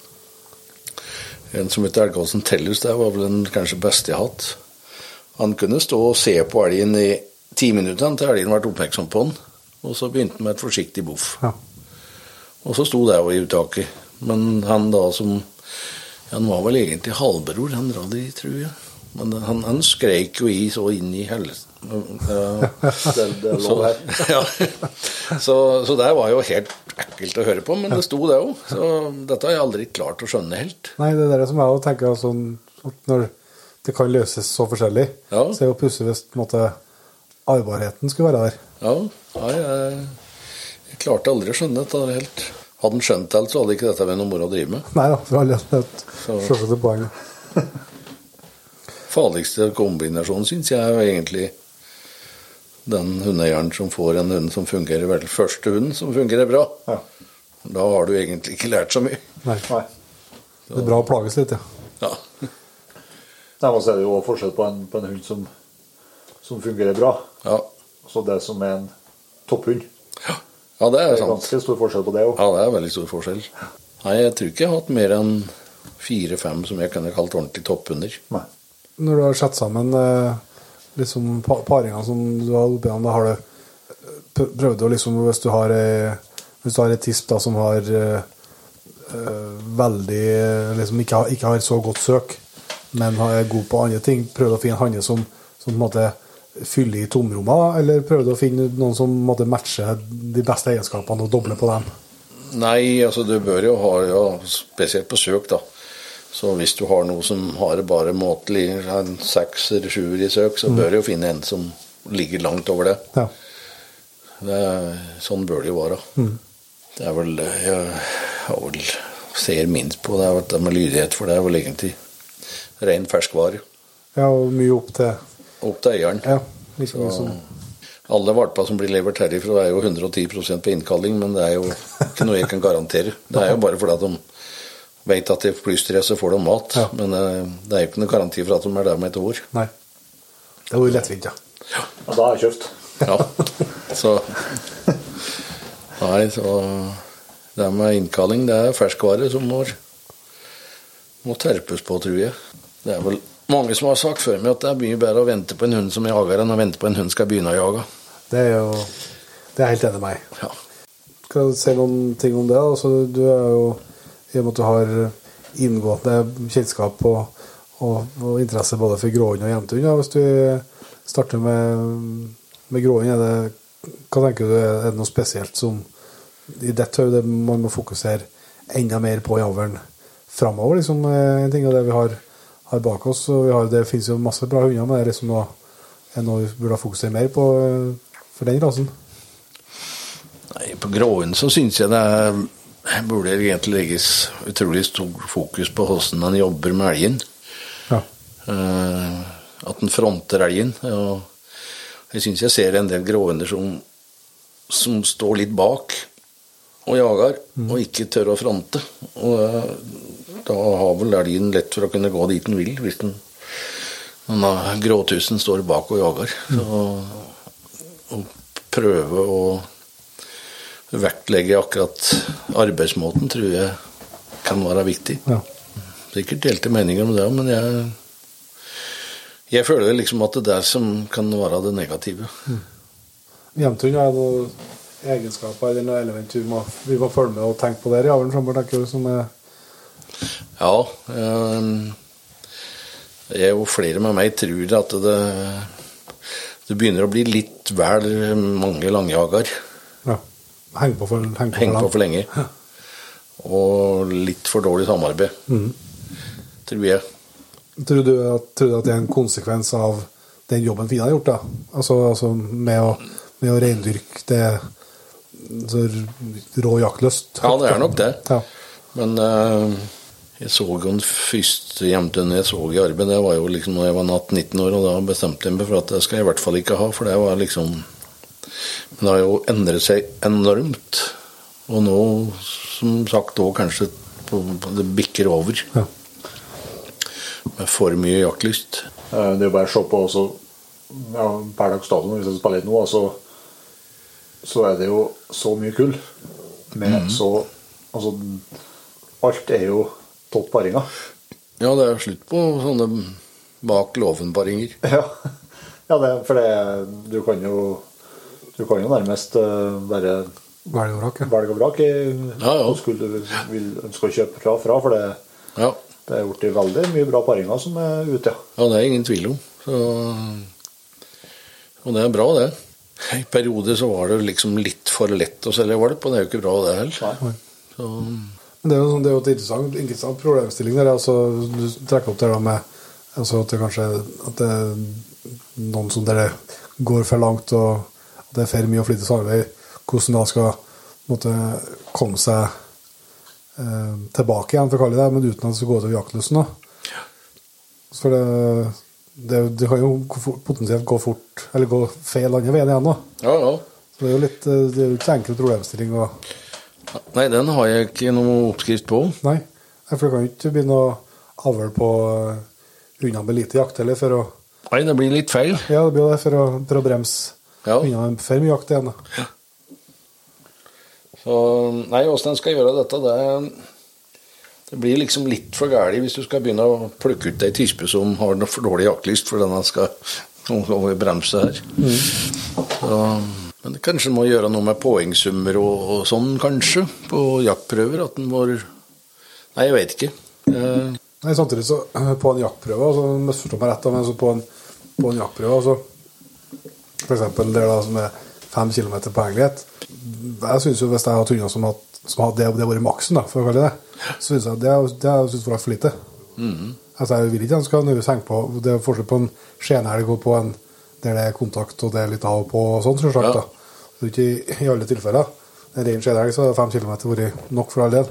Men, eh, så, så det er jo liksom Ja, det er jo et eh, Jeg har i hvert fall en sånn idé om at, som jeg har sagt i mange tilfeller, altså at nå kan jo jeg litt om avl i forhold til Leif, det har jeg full forståelse for, men, men at mitt enkle hode så, så gode avlsdyr er kanskje dem der det er for mye, da. Altså der det er litt for mye av alt. Og, og litt for mye av alt, det får du nødvendigvis ikke visst på en jaktprøve heller. Nei. Fordi at så, en god jaktprøve er mer enn nok til å ha en fantastisk jaktdag. Men, men det er ikke, det er jo ikke enormt. Altså Nei. tre timer los eller, eller fem kilometer på egnet, eller? Nei, men altså, jeg har vel egentlig støtt ment at det, de aller beste avlsdyra er ikke de beste jakthundene. Det er, ikke, det er ikke Altså, det er antakeligvis mye mer praktisk å ha en treapremiehund. Ja. Ja. Faktisk, mener jeg. Ja, sånn Eh, skjøt- For praktisk skjøt- jakt. Ja, og skjøt mer elg. Ja, jeg tror du gjør det, da. Et hundeliv. Så det er sikkert som å banne i kirka, det òg, men jeg, jeg, jeg tror faktisk det er, er slik. Ja, det tror jeg det kan være noe i det, altså. Jeg har jo hatt hunder som har stiget 30 og en halv time i los. Det er jo ikke så veldig brukervennlig. Nei, han var ikke noe særlig bruksvennlig da etter koblen her. Det verste var at den sto i feil terreng i feil land nå. Det jakte lierne, så sto den i Sverige. Tosken. Men han eh, Sikkert med feil, sikkert med feil elg òg. Ja, det var det òg. Ja. Men han var ikke noe å bruke på en to-tre dager etterpå. Nei. Men det også var vel en, en av de beste nedarvera, tror jeg, faktisk, på gråhunden. Uten å skryte, i Norge. Ja. Han gikk i. Han hadde mye, hatt mye bra avkom, men idiot var han. Med mange år med, med kennel og, og, og mange kull hatt mye valpekjøpere, hvis du skal um, si noe der, hva du tenker hva, hva er det du mener en, hvis du tar en fersk valpekjøper, da bør tenke gjennom før eh, måtte man, altså En ting er å finne kullet, men altså man har bestemt seg for kullet altså for, å, eh, for å lykkes, da. Altså for å få en god start. For det første så er jeg veldig glad i ferske valpkjøpere, som har kjøper sin første hund. Ja, for du har vært litt opptatt av det hele veien, du. Ja, så jeg har jo i mange, mange år gitt ungdomsrabatt for hvert år de er under 25 år. Ja. Og um, jeg syns jo at uh, ungdommen eh, ofte kan være de aller beste. For de er nys mer nysgjerrige og, vite, og- åpne og vitebegjærlige. Ja. Og tør å spørre, liksom. Så Men tipset deres er jo egentlig bare det å ta med seg hunden ut og gjøre en skogsvant der det ikke finnes elg. Helt, fra starten av, eller? Ja, og hvis du kan finne en plass der det er garantert ikke er elg, Ja. så syns jeg det er greit. Ta med seg en god bok om bare å sette seg. Og tålmodig og kanskje ikke være fristet til å slippe for tidlig. Nei. For det er fryktelig mye som endrer seg i huet på en hund ifra den er sju til ni måneder, f.eks. Ti måneder. De, de månedene der mener jeg er fryktelig utslagsgivende for at, at du kan ødelegge en hund. Ja. Å ha tålmodigheten der, det har noe jeg trua på. Du får igjen for, ja. Ja. Jeg har nå vært for utålmodig med en par hunder jeg har fått ødelagt, så det, jeg vet litt om det. Mm. Og det er så fristende å slippe dem for tidlig. Og da er det det at de, de blir skremt. Ja. I beste fall. Ja. Det har jeg jo sagt. At mange at hvis de har en Hvis de har en tålmodig hest, så kan de prøve å se hvordan de reagerer på den. Og hvis de er for tøffe og vil inn i beina på hesten, da er det for tidlig å slippe dem på elg. Ja. Men stopper de på avstand og loser, så da kan det være større mulighet. For da har de respekten. Men er de for tøffe og vil inn i beina og bite og sånn, så da er det for tidlig. Det er i hvert fall bitre erfaringer fra min side. Ja. Det er ikke lett å la være. Nei, det er klart det. Også, nei, også er det jo Og det er heller ikke lett å, å reparere den skaden som først har skjedd i en del Det er tilfeller. jo på et tiendedels sekund, så er det over. Og så er det noe som er, det har Petter snakka om mye før, at det er så mye lettere å vente hvis du har en hund fra før. Ja, det er noe med det Men òg. hvis du er som 25-åring og kjøpte deg deg en hund da, som er sju måneder 1. oktober Ja. Nei, da er det ikke lett. Nei, da er det ikke lett. Dette vet jeg. Samtidig så er jeg jo også veldig glad i hunder som jager tidlig, da. Ja, ja. Så det er jo sjølmotsigende sikkert, jeg sitter og tuller og prater med noen. Men eh, det er jo sånn det er. Ja. ja, men det er jo forskjell på sju måneder og 10-11-12 måneder. Ja, det er veldig stor forskjell. Kolossalt. Jeg husker ikke åssen jeg var i puberteten, men jeg tror det var forskjell fra 13 til 15 der òg. Ja. Ja. Det skjer noe. Antageligvis. Det er glemt og fortrengt. Jeg kommer på en sånn eh, en telefonsamtale med Tinka i starten. jeg ser litt sånn hvordan du er som type. For da ringte jeg og var, litt frustrert. At da hadde jo sett at noen av kvalp, eh, altså søsknene hennes eh, jaga fullt, og så følte jeg at det var nok drag der, da. Så jeg bare ringte deg og sa ja, faen, men jeg ser søsknene hennes jager som faen. Altså, hun eh, er ikke sånn drag ennå. Altså. Jeg bare sa at nei, jeg er med i jaktlyst, jeg også, bror min. Ja, stemmer det. Føles det- Men Hun kom jo seg veldig etter hvert. altså, det gikk bra. Ja, det er sant, det. Det, det kan jo være forskjell, selvsagt. Det stemmer det. Ja. Og ikke det du hører på, bror. Nei, jeg har, jeg har to, så da får de være opptatt om hvem det dreier seg om. Avgjør hvem det var. Men jeg vil jo tro at det har vært en del telefoner opp igjennom, da. ikke bare fra meg, men også til dem, både de som er i, i himmelen og i skyene, for at de, det så, går så godt, og, og på andre enden av skalaen òg. Absolutt. Jeg hadde en som eh, som var aldeles oppgitt over en hjemtun han hadde. Og han, eh, han skulle gi en én dag til. Så han tok noe med seg både rifle og hagle ut da, for å eventuelt avslutte. Ja. Hvis det ikke ble noe drag den dagen, og det, det ble voldsomt av drag. Ja. Og det var vel eh, hadde vært kolossalt. Og jeg gjorde det topp i Ja, jeg hadde meg til meg i Finland på jaktprøve. Og ble finsk champion. Så det var eh, Der, der snudde på tiåringen. ja. Men det er ikke alle det snur for, så det er bare sånn det er. Ja. Men hva du liksom eh, altså, som sagt, det, er jo det, det er det som er vanskelig. Altså, for at du skal jo ha tålmodighet. Men eh, så, på et eller annet tidspunkt så må jo tålmodigheten få lov til å gå over òg. Ja. Altså, ikke nødvendigvis at du må avlive hund, altså, ikke jeg sier, men altså at du, om du kan gi bort den til noen som Ja. vil ha en ren familiehund og, og starte på nytt på et vis. Altså, det, Nei, altså han, Hvis han ikke er våkne på to normale jakthøster, så da Da, da, da blir det selskapshund en eller annen plass. Ja. Å starte på nytt med et nytt emne. Ja. Men så har jeg jo sett det før vi flyttet hit, så mens vi bodde nede på Fetsund, så ble det så jeg og en kompis vi kjøpte hver vår hund fra samme kullet. Ja. Og eh, jeg skulle eie hannen, og han skulle eie tispa. Tispa ble kolossal, og hannen Nei, det ble ingenting med den. Nei. Så den eh, Den fikk jeg omplassert til en kar. Jeg ga den bort, faktisk. Og den, når den flyttet dit, så ble den en kolossal hund. Så det kom av det. Jeg vet ikke om tispa var for alfatispe eller hva det var. Men Ja, for de gikk, de gikk sammen, de. ja, de gikk sammen, ja. Ja, ja. Og da når jeg omplasserte den til en Ja, det var en sprek pensjonist, forresten. Han skjøt mange titalls elger for den. ja. Så hva det kom av, det vet jeg ikke. Så det Miljøskifte er ikke bestandig dumt, det. Nei da.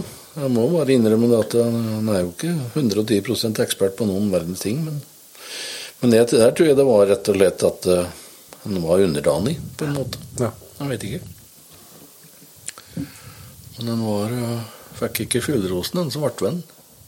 Nei, det, det som kan jo òg være altså, Du snakka om tispa som jeg ringte og, og klaga på det her. Da, hun kom jo seg veldig, men hun jakta i hvert fall som jeg opplevde, jeg og samboeren min, så hun jakta best til hun.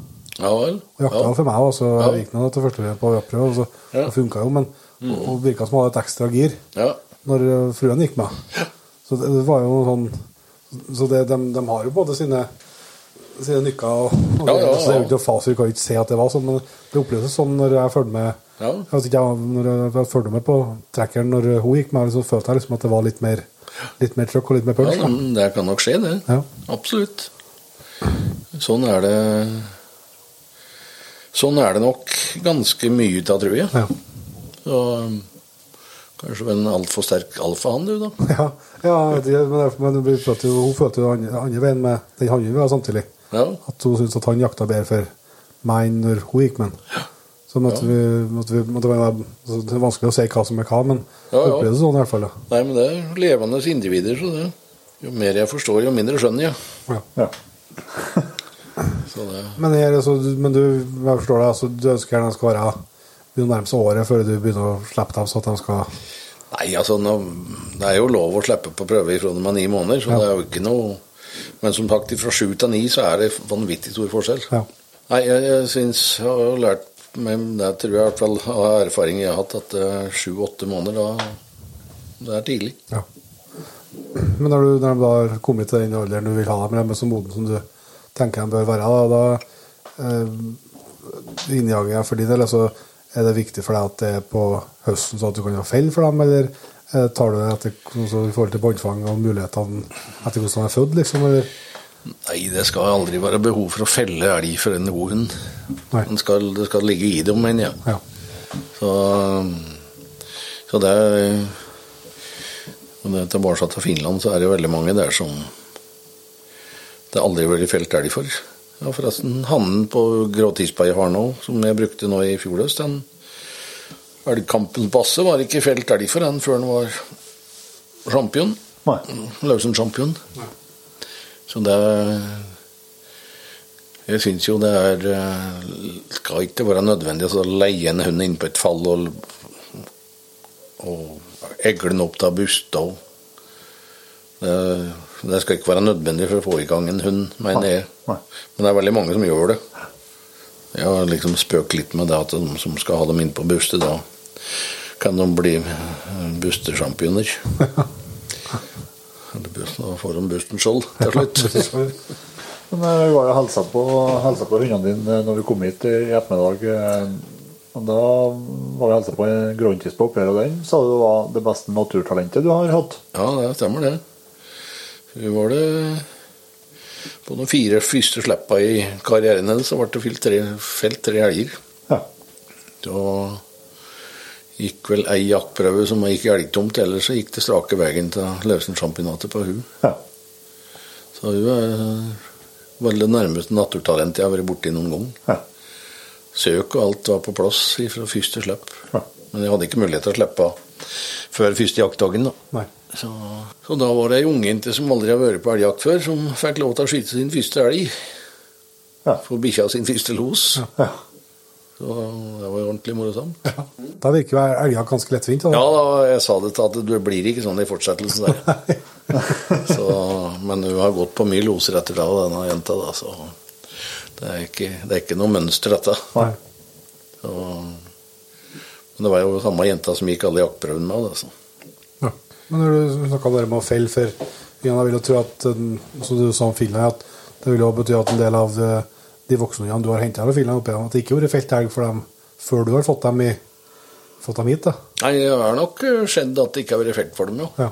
Men har du sett at de har endra seg noen ting etter hvert som du har begynt å skutte i fella når de har kommet i Ja, de blir jo ikke noe mindre gode på samarbeid etter å skyte noe elg for dem. Nei. De gjør ikke det. Så det er nok nokså normalt. Ja. Den blir enda ha- hardere å Det henge. blir, ja, Ja. blir det. Så det er nok nokså normalt, tror jeg. Ja. Tror ikke det er så lett å klare å opprettholde innkallinga på en hund og skyte en 20-30 elger for elg. Men det er store forskjell der òg. Noen bryr seg katta om elgen og bare legger seg ned, mens andre er jo i 200 og skal ragge av det som er til buss på den. Det er kjempeforskjell der. Ja, det trenger ikke å og det ene trenger ikke å være noe, ikke bedre enn det andre. Nei, nei, langt ifra. like, like være gjerne være hund som legger seg, legger seg helt rolig, som er Ja, ja. er like en enda bedre jakthund enn den som bare er helt vill. på noe. Ja, han, eh, han Osku så mye av det. Han var bare borte og slekte litt i nåsa på den elgen, så la han seg ned. Ja. Og jo mer folk som kom inn på fallet, jo gladere var han. Ja. Da var han borte og rundslekte alle. Ja. Det, det kan ikke si at det er en arvelig egenskap, da, men det, hun, det var jo faren til Tinka som vi hadde, og hun var akkurat som avise. Og På en elg som ble skutt før, da Da, da ja, elgen datt og greier, og så var det en annen som gikk i nærheten med en, med en ung jevntunhanne som var en åttende i annet, som, han som da hørte kom på smellen. da. Ja. Og jeg var en bit unna, så han skulle jo post i helgen. Så jeg ble litt stressa liksom, på at eh, de skulle, Jeg har ikke opplevd det før at, hun, at det kom en hund inn på fallet. og to, da. Nei. Men når hun så han på 50 meter, så gikk hun bare og la seg på sida av elgen og la seg og sov. Ja. Og da ei hund kom innpå og ville begynne å tøffe seg, så kunne hun ikke ha brydd seg. Mm. Mindre, liksom. Nei, det er stor forskjell. Ja. Andre individer du må nesten telle fingrene dine. Da. Både før og etter vomming. Men vi har jo sett at eh, det henger eh, rundt omkring her en del eh, fine elghånd. Så du har jo vært ute for noen storokser på de turene dine. Ja da, det har vært inne en, en del av dem. Nei, det er jo gjevt, det, men nå, nå er det egentlig mye artigere hvis det er noen av de unge i laget som får lov til å skyte. Ja. Vel, egentlig nedlagt skyteforbud for meg på storokse til høsten igjen. Sjølpåført. Ja, jeg tror det at det da, Jeg tenker at sluttstykke noe slikt, så filme i stedet. Ja, for du hadde jo filma litt i det siste. Ja da, det er moro å filme. Ja. Så jeg hadde en eh, hadde en nokså spesiell seervideo ute i naturen for noen år siden. Nei, det var en elgukse som eh, Det var ei ku og ei ukse som gikk rett av hver side i, i denne der Røvdalen. Eh, En, en jaktterring. Og så, og så skulle ja, kua hun tok én vei, men uksen skulle over noe svaberg. Ja. Og glatte som pokkeren, og så begynte den virkelig å, å skli. Ja. Og da var det 100 meter loddrett ned, og under der satt dattera. Ja. Men den klarte seg til slutt. Men det var bare Det var, det var på håret at ikke han forsvant rett 100 meter rett ned. Ja. han ligger på ute i naturen i en eller annen plass. Ja. Og Det var nervebirrende. Tenkte vel ikke helt over at hun satt akkurat der mens jeg drev og filmet denne hogsten. Men, men når jeg tenkte på etterpå, så så jeg hun satt der. Ja.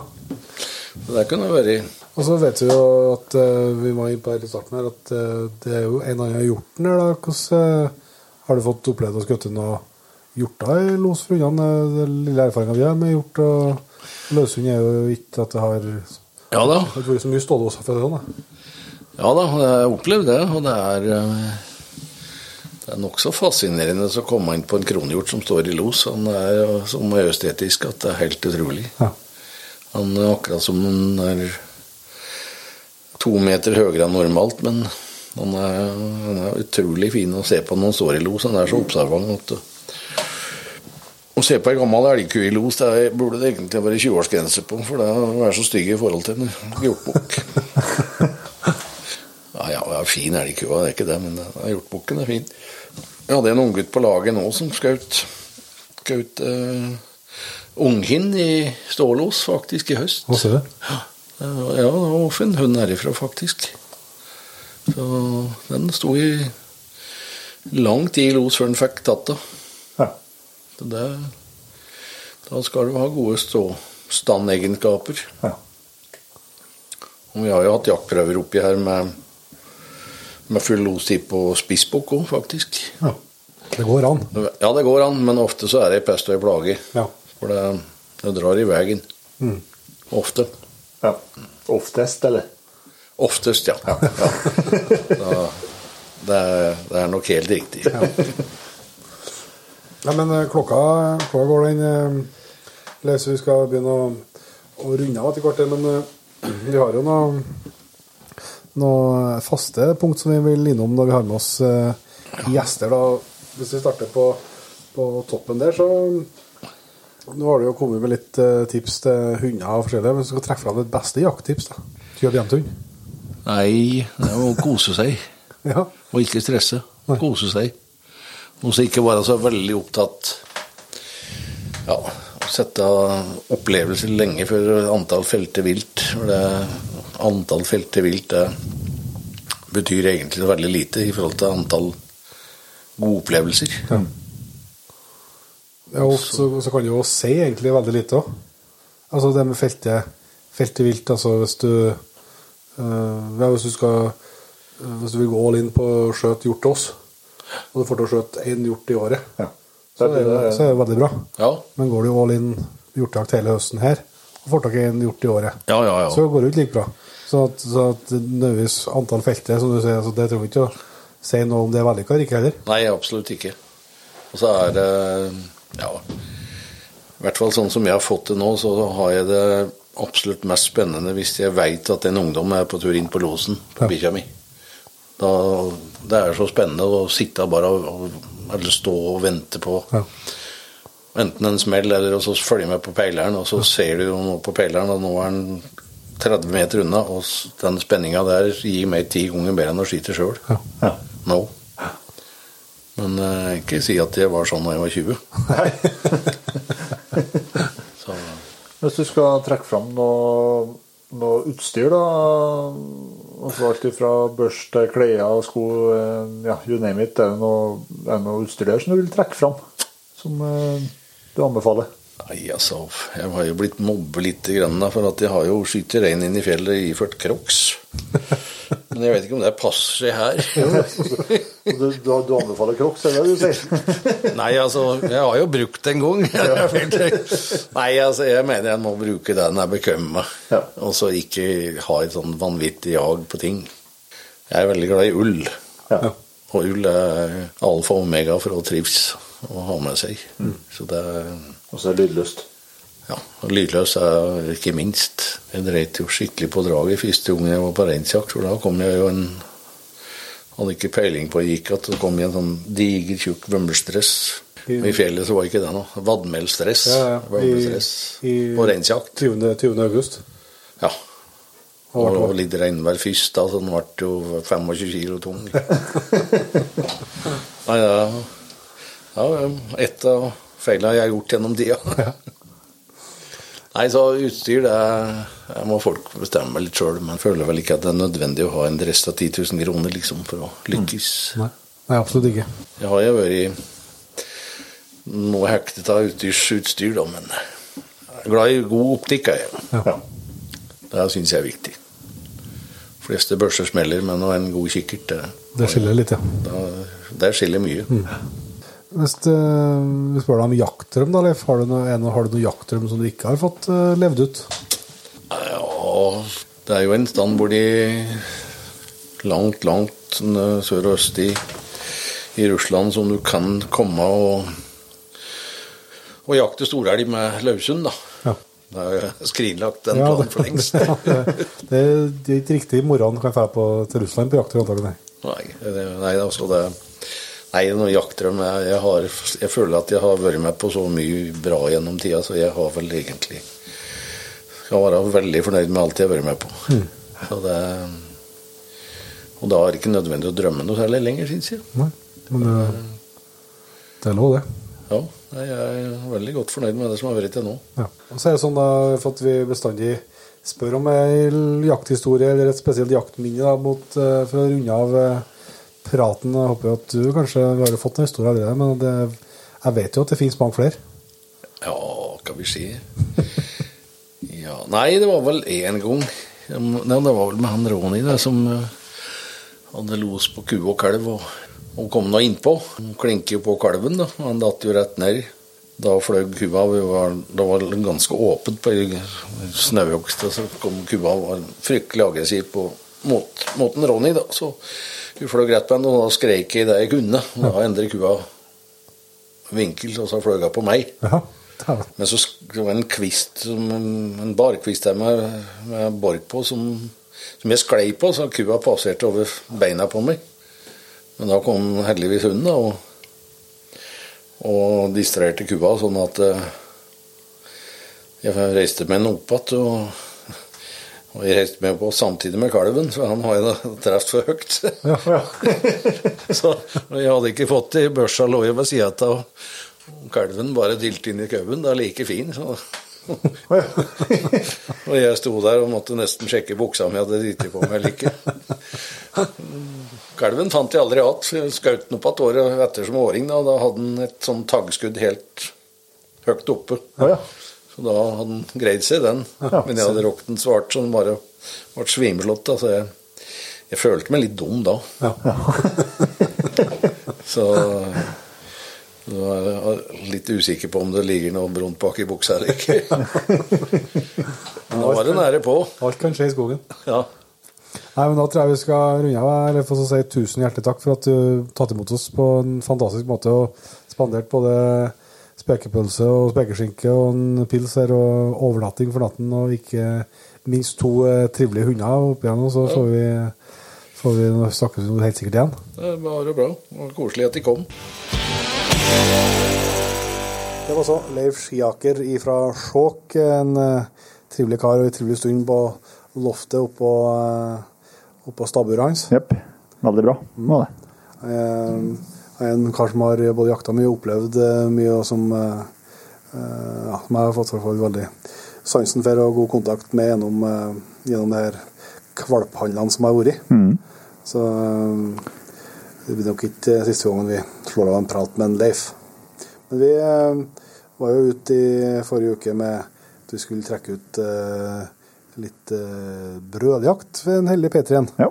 Og det har gjort at det har kommet inn, eh, om det var det, da, noen ting skal ikke jeg si da kanskje, men det er i hvert fall ei meget velfylt liste med nye P3-en, så vi har gleden av å ønske velkommen i jaktlaget. ja. Så vi må bare starte på toppen der Inge, og si tusen hjertelig takk til Lyder Bækstrøm Natvig, Ole Kristian Johansson. Per Ulv, Simen Karinus Langre. Hanne Stensheim, Jørgen Rustad. Jørgen Gudingsmo. Ingar Garnvik. Knut Mostøl, Eirik Løvaas. Eirik Lux, Magnus Simonsen. Espen eh, Bakkebø, Håkon Østerbø. Tobias, Thomas Teigen. Bendik Gundersen, Andreas Christensen. Åsgeir Elven, Stig Rune Solli. Fredrik Rørheim, Ole Fredrik Fanebust. Tor Morten Troli, Odd Arild Rostad. Ola Gården, Trond Reitan. eh, Vegard Koksvik, Marius Asplund. Sten Østborg, Andreas Haugsnes. Lars Håkon. Og Andreas Stene. Tusen hjertelig takk til alle dere, og selvsagt til alle sammen som allerede er med i P3-jaktlaget for å være med på trekking både av eh, hjortejakt og elgjakt. Og neste uke så er vel P3-episode, hvis jeg tar helt feil. Ja. Så det er stadig fordeler med å være P3, og ikke minst så får du ekstra gode priser i vår nettbutikk. Og der har det kommet ut masse nye varer. Yes, så det er bare inn og, inn og se og finne ut hva det, og så er det ikke noe sier ikke vi nei til det. Nei. så det får du, får du finne ut sjøl, men du kan i hvert fall ta en titt innom og sjekke ut, eh, sjekke ut både nytt, nytt og gammelt. nær sagt. Så tror jeg vi gjør som vi bruker, Jon Inge, og sier til neste gang vi Høres. Ja.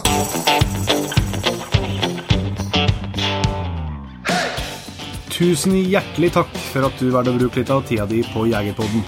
Sjekk ut jegerpodden.no eller din favoritt favorittpodkastspiller for enda mer innhold og flere episoder. Følg også Jegerpodden på Facebook og Instagram, og ikke minst, husk å fortelle alle gode venner, familie og tilfeldige forbipasserende om Jegerpodden, sånn at vi får spredd det glade budskap videre. Vi høres.